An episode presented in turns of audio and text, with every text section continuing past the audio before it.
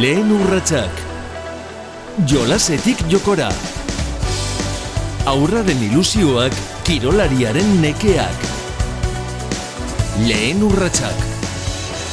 Maide errunda gurean, goi mailako kirolaria izan dakoa, garaile ase zina, borroka librean, son handiko garaipenak lortutakoa. Maider, kaixo, ongi etorri? Kaixo, Zer moduz, ondo? ondo, ondo. Bueno, oraindik jarraitzen dituzu lehiaketak. Edo goi maila utzi zenuenetik ez diozu kasurik egiten, Maider. Ez, ez, azken finean e, lotu, lotuta egongo naiz bizitza guztirako kirol, nire kirolera, eta bai, internetet bidez oso erraza da orain e, jarraitzea. Mhm. Beraz, aktualitatea jarraitzen duzu neurri batean. Bai, desente. Eta enbidi punturik bai, edo, edo, ez, ez, edo ez, aztu duzu dena. Horregoteko zenbat entrenatu behar den, eta zenbat e, apustu egin behar dian, eta eta bain bertan ez nago presortarako. E, oso urrun ikusten alduzu, hogei urteko elite mailako kirol ibilbidean lortu zenuen guztia, Maider? Bai, bai, nik uste dute oain e, beste, beste mundu bat izango balitz bezala ikusten dut bat. Beste mundu bat. Bai, ez Baina- da nik bi- bizizatakoa, ez? E, hanbeste gauza zituen, e, eta ez dakit nola egiten nuen e, horre egoteko. Mhm. E, izan ere disiplina ikaragarria eskatzen duen, bueno, azken batean eliteko kirol guztiek, baina borroka librea ez da salbuespena eta eguneroko lana hori hori izugarria da edo zen bere garaian. Bai, e, goi mailako kirolariok badakigu hor- horre egoteko, ba, egunero entrenatu, e, atzen hartu behar da besteak parran dauden bitartean, e, oporretan bestiok entrenatzen, bueno, gauza asko dira eta eta bueno, ba, momentuan bizi duzu zuri gehien betetzen zaituela zaituena delako, baina bai, oin urte batzuk pasata gero konturatzen naiz, buf, oso ziur ez egon behar zara e, hortan zentratuta egoteko. Baina utzi zenuenean ez zenuen zalantzarik izan. E, 2016an, duela bost urte, erabaki zenuen ustea eta orduan zalantza gutxi, edo, Maider? Ez, ez, orduan ja neuka argi neukan e, 2016a izango zela e, bukaera, ze, bueno, ba, bizitzak ez zidan ematen nahetarako. Eta ja, bueno, bizitzan dakubaz e, posik eta eta beste bizi bateri heltzeko gogoakin. Mhm. E, Zaiguzu, e, atzera eginda, e, txiki txikitatik hasi altzinen borroka munduan, noiz erabaki zenuen, e, noiz hasi zinen e, modalitate hau probatzen, Maider? Bueno, ni beratzi urterekin hasi nintzen e, sambo motatik, moda- modalitatea da oso antzerako, borrokarekin oso oso antzerakoa. Baina e, sambok ez da ez olimpikoa, ez internazional ki oso txapelketa gutxi egiten zian, bueno, eta bueno, on, on, oso antzerakoa zen borroka, eta bueno, bueno, nire izarekin oso ondo zetorren kirol bat zen, ba oso ondo pasatzen nuelako, eta eta exigentzia ere handia zeukalako. Eta alboan izango zenuen, e, irakasleren bat, eskolaren bat, e, e, nora jotzen zenuen e, zure... Bai, txikitan bai. eh, otxandioko eskolan eh, zen eh, kirol eskolarra eta eta bertan egiten nuen, hasieran noski. Mhm. Eta zergatik erabaki zenuen, kirolo honi heltzea, hasieran probatzeagatik, aipatu duzu Ba- samboa, baina ondoren, Se, zegoen kirol bakarra zelako. bueno, futboletik aparte, noski. Futbola, pelota, nezkentzat ez zegoen eh, kirolik orduan, bueno, ez zenuen beraz aukera hondirik izan. Beste, ez nuen ez aukera eta aukera zegoena, ba, gustora egiten nuen. E, zure albokoek, familiak, lagunek, hor hasieran lehenengo urte horietan, ze zer zioten? Bueno, le, lehengoko urtietan jente asko egiten zuen e, otxandioko eskolan e, borroka, eh? eta, bueno, ba, normala zen, ba, bueno, neska eta mutilok egiten genuen, a, bueno, baina bai gutxienaka gutxienaka, ba, jente gutxiago eratu zen, eta noski, ja neskak ez zuten egiten. Mhm. E, Neskak eta mutilak ipatu dituzu, okerrez pagaude e, atletiken ibilitako koikili bera, hor ibili zen, ezta? Bai, bai, gurekin taldean egoen ez zegoen, ba, bueno, bat bezala, bat gehiago bezala, eta eta momentuan e, berak aukeratu behar izan zuen futbolera, eta nik e, ba, borrokan jarraitu, no? Edarki. E, bere ala ohartu altzinen? Ona zinela. E, bidea egiteko aukera izango zenuela, bere ala jabetu zinen, edo denborarekin urtea pasala ohartu zinen. Bueno, bueno, ba, nahiko, nahiko naiz. Bueno, nik uste hori nahiko naizela ez duta zer sekula pentsa, ez? Gauzak ez berez joan dia bidea hartzen. E, bai, txikitan, ba, nietzat jolaz bazen, ez zen lehiatzeko modu bat, eta e, 2000 lauean sartu zen olimpikoan ezken borroka, beraz, bueno, horre, e, hortarako ilusioak ez nituen.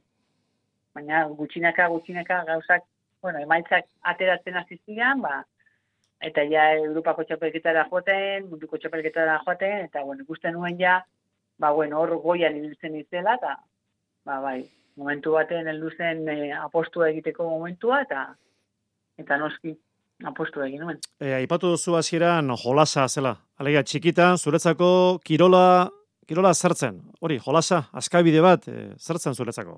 Bai, e, e, gorputzak eskatzen zidan egiten nuen, ez? E, korrika egitea, ariketak egitea, ni, ni beti da nik izan naiz kirol zarea, eta, bueno, ba, niretzat, ondo pasatzeaz gain, ba, kirola egiten, bai. Ondoren elite mailan sartu zinean eta aurretik ere bai, lehiak eta askotan parte hartu zenuen. Ez guzu, kirol munduan, eh, askotan galdu edo irabazi egiten da, noiz ulertu edo sentitu zenuen, bi hitz horien garrantzia, maider? Bueno, ba, hori beranduago ikasten da, eh? gestionatzen ikasten da, parkatu e, bai bazen zarenean galtzen duzunean, ba, oso gaizki sentitzen zara, e, diozu nahi beste erantzun bilatzen egoerari, baina bai denporarekin e, kasi asko zer ikasten gehiago ikasten da galtzen duzunean, irabazten duzunean baino, eta hori nola gestionatu ere errezagoa izaten da galtzen duzunean, irabazten duzunean baino. E, bereziki e, porrotak barneratzen, porrotak gestionatzeko oso lagungarra izango da eskarmentua, ez da, esperientzia? Bai, eta batez ere, ba, e, urrengoko egunean bizitza jarraitzen duelako, eta kirolak ere bai, ez duzu irabazten, eta ja bizitza guztirako irabazten duzu, ez galtzen duzunean, badakizu zertan egin behar duzun e, lan urrengoko egunean. E, kirolak, kasu honetan zure kasuan borroka libreak, zer, zer eman dizu bizitzan, eder? Uf, nik uste dut gauza asko. Eta ditudan gauza gehienak, ez? Nire nortasuna e, lantzen lagun dit, ez? E, asko ikasi dut nire buruari e, ba, batzutan e, prenoa jartzen, beste batzutan ausarta izaten, eta bazte ere emozioak gestionatzen azken batean, hainbeste urte kirol munduan ibiltzeak eh, izango du eragina zure izakeran. Eh, nor, aipatu duzu nortasuna, zure izateko eran izango du zalantzare gabe eragin eta eragin handia, ez da? Bai, bai, azken finean e, kirola e, oso e, formatiboa da. Ikasten duzu, ba, bai lagun, bueno, ba, zure kideekin e, errespetua eta batez ere ba, egunerokoan lan zen, eta gero ere e, disiplina asko, eta, eta irakurketa asko ikasten duzu egiten. Zuri entzun da ematen du ia dena, dena ona dala. E, goi mailako bai, egitea ona dala. Bueno. ona bakarrik eratzen da, txarra astu egiten da normalean. Bueno, txarra astu egin behar da, edo e, astu egiten da, baina ez kirola berak e, zuri, zure ustez zer kendu dizu, eh, denbora libre bentsat bai noske?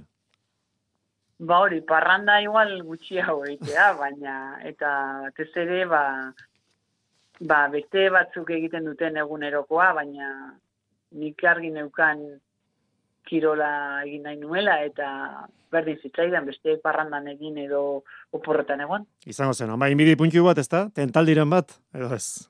Bueno, batzuetan egoten zen, ez? Ba, gustuan batez ere denoko porretan eta ni ba, e, nola emeko instalazioak itxi egiten ziren, ba kanpora joan behar e, entrenatzera eta horrelako gauza ba, ba morruak bat ematen zizuten, baina bueno. Erreza izan altzan, kirola usteko erabakia hartu ondorengo e, bizitza, mm, mota urrengo egunak, urrengo urteak, e, azken batean, aldaketa, mm. aldaketa handia da, ezta? Aldaketa handia da, baina nik ja urrengoko bizitza ja eginda neukan. Baserriko lana? Baserriko lana oso oso landutan neukan, eta ez neukan denporari pentsatzeko, eta bia zer egingo dut, eta eta nola prestatuko dut e, utatorren e, urtea, ez dena ja prestatuta neukan. Orduan, niretzat oso horrez esan zen alde hortatik, ba, oso landuta neukalako ja kiroli bilbidea bukatzen zenerako. Hori zure alde, alegia hori noski abantaila da. Bai, hori oso positiboa da. E, ba, hori da delako ez. E, kirol munduan bizizarenean ez duzulako gauza asko lantzen, eta gero bapatean geratzen zara kiroletik kanpo eta ez dakizu nola nola hasi izi modu berri horri baina. Ederki. Ni nirean suerte izan zen. Uh e, goi mailako kirolean sekulako garrantzia du, aipotu duzu, disiplinak, norberak egin beharreko lanak, baina baita ere entrenatzailearen lanak. E, horrek sekulako garrantzi izan aldo zure bizitzan? Albokoak emandako aholkuak, entrenatzaileak emandako aginduak? Bai, nik eh, beti izan dut e, ni naizela lehiatzera ateratzen naizena, baina atzean lan talde handi, handi bat izan behar da, ba, ba, gauza asko gestionatzeko. Bai medikuak, bai preparadore fizikoak, eta batez ere entrenatzaia. E, entrenatzaileak e, zure burua, oza, nire burua oso ondo ezagutzen zuen, nola, nola gestionatu ere bai.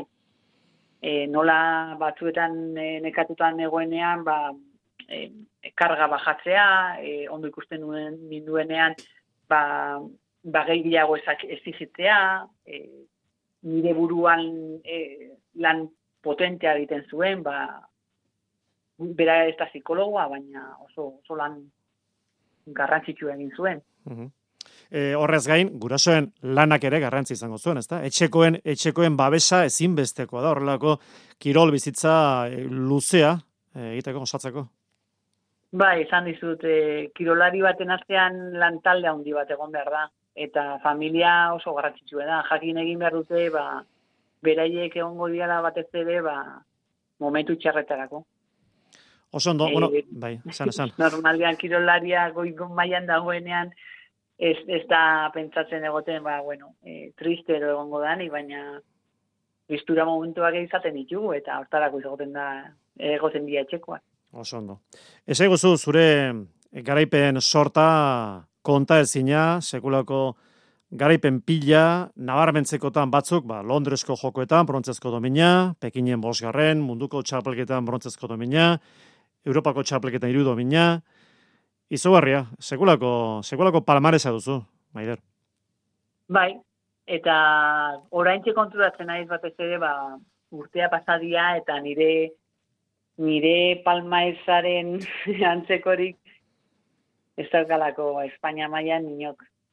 Eta bai, e, hori horrek, bueno, ba, zeo zer esan nahi du, ez? Zenbat, zenbat lan egin genuen eta zelako tan lantalde ona sortu genuen. Zalantzarek gabe. Zure alde, zure aldekoa da, baserria bizitzea. Hor bintzen lekoa baduzu, e, saria, trofeoa, garaikurrak eta, eta gordetzeko, maidero. Bai, bai, baserriak gauza on asko dauka. Lanpillo bat dauka, baina beste gauza askotarako, bueno, balio du. Punta puntako e, kirolari guztiek duzue horixe, esan duguna, garaipen sorta, baina era berean arantzak ere bai. Izango duzu pena, izango duzu arantzaren bat hor sartuta, noski, Maider? Bueno, ba, e, pena izan zen, ama izan da gero, 2006an e, riorako ez klasifikatzea, baina, bueno, e, ni argi neukan ja, bueno, e, ja, jogu olimpiko bitan egon nintzela, eta baten e, domina, eta bestean e, diploma neukan, la orduan, bueno, e, konformen egoen horrekin ere, bai. Osondo. Herrian bai noski, herritik kanporo jendeak oraindik ezautzen altzaitu, Gazte, gazteak akaso ez, gaztetxoenek ez? Edo? Bueno, gaztetxo, la, gazte gazteak ez. Bueno, baina, bueno, eh, bai, desente gente que saltzen, no? Eta oraindik, bueno, ba, bat ez ere, ba, gazta saltzen dudanez, e, gazta erostera tortzen dianean, ba... Eta gazta ona. Ba, ita, bidea zabalgazta, noski, baserrikoa. Bueno, azken galdera, e, baldago lekukori gaztaroa, baldago, e, arrobirik e, baldago, maider? Uf, oso Gutxi, zaila. gutxi. Oaintxe bertan e, e, Tokiorako Espainiako selekziorik ez da inor klasifikatu. Beraz, e, lan handia dago oraindik egiteko. Hor ikusten da, zu jarritako langa oso oso altu dagoela. Bai, Eskarrik asko, maider unda bezarkarek handiena eta eta urrun arte, ondo segi. ondo segi, eskerrik asko. Lehen urratsak. Jolasetik jokora. Aurraren ilusioak kirolariaren nekeak. Lehen urratsak.